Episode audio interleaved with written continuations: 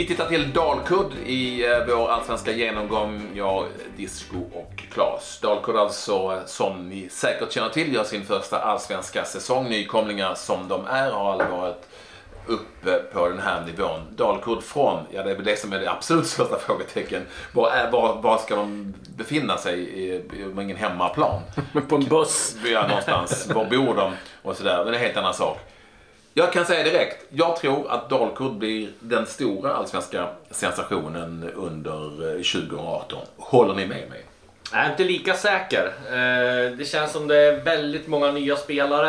Eh, det är mm, osäkerhet kring klubben och allt sådär. Däremot så tror jag det som talar för att det blir det är att de har ju tagit in en, en hyllad tränare, Asrudin Valentik, som låg bakom väldigt, väldigt mycket i Brommapojkarna eh, som gjorde att de kom upp till, till Allsvenskan. Mellberg fick ju liksom vara huvud eh, ansiktet utåt för den klubben men i bakgrunden så var det ju Asrudin Valentik som styrde det mesta och jag tror att det kan tala för eh, Dalkurd och så har de en del intressanta namn här i Ferrada Jazz som de har värvat in, Simon Strand, eh, spelare som mycket väl kan bli eh, succé men som man inte har riktigt koll på. Eh, som man inte vet, vet var de står riktigt. Så att eh, väldigt spännande eh, att de är uppe i, i Allsvenskan känns det som. Men jag tror att de håller sig kvar men jag vet inte hur.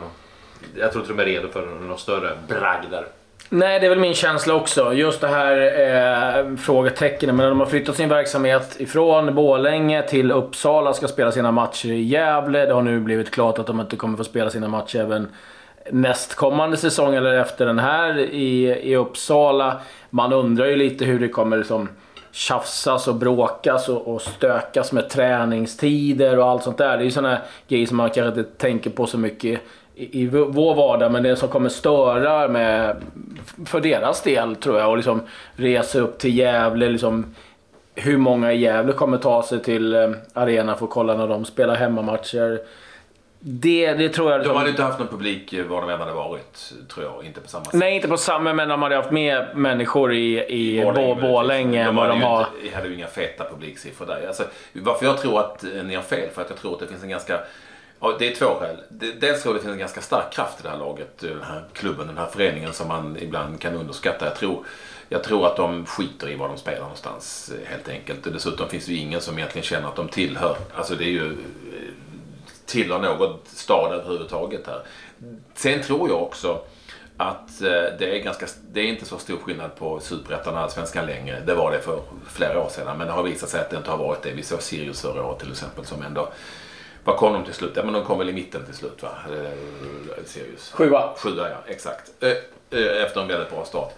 Jag tycker att de är bra Dalkurd. Jag tycker att de spelar väldigt bra fotboll. Jag tycker att de har kvar en ryggrad här som är relativt stark ändå med allsvenska mått mätt. Och jag tycker att de har många ganska talangfulla och spännande spelare. Sen är det ju klart och inte minst tränaren som du nämnde. Sen är det ju lite konstigt i sig att de släppte iväg Japsovat som gjorde 17 mål förra året. Extremt. Och vilket bråk mellan ja. han och tränaren. Ja. Där, där hände ju någonting underligt. Han gick tillbaka till, till, till Norrby. Ah, jag har en stark känsla av att eh, Dalkurd är mycket bättre än vi eh, tror. Jag är nog lite så här, jag, jag kan känna att... Du håller med alltså? Nej, alltså jag, jag tror att, du, jag, jag tror att de kommer absolut... Att du håller med? Nej, men de kommer, de kommer absolut hänga kvar, det tror jag. Men jag tycker att det blivit lite nästan för mycket hype kring dem och att de ska vara så fantastiska och... Eh, ja, det finns mycket som kanske liksom påminner en del om Östersund när de, de kom upp och de spelar fotboll. Men det finns också en del som talar emot, tycker jag, med... Eh, ja, men just det jag var inne på innan med liksom, eh, ingen hemmaplan. Eh, intresset kan svalna ganska fort eh, för dem.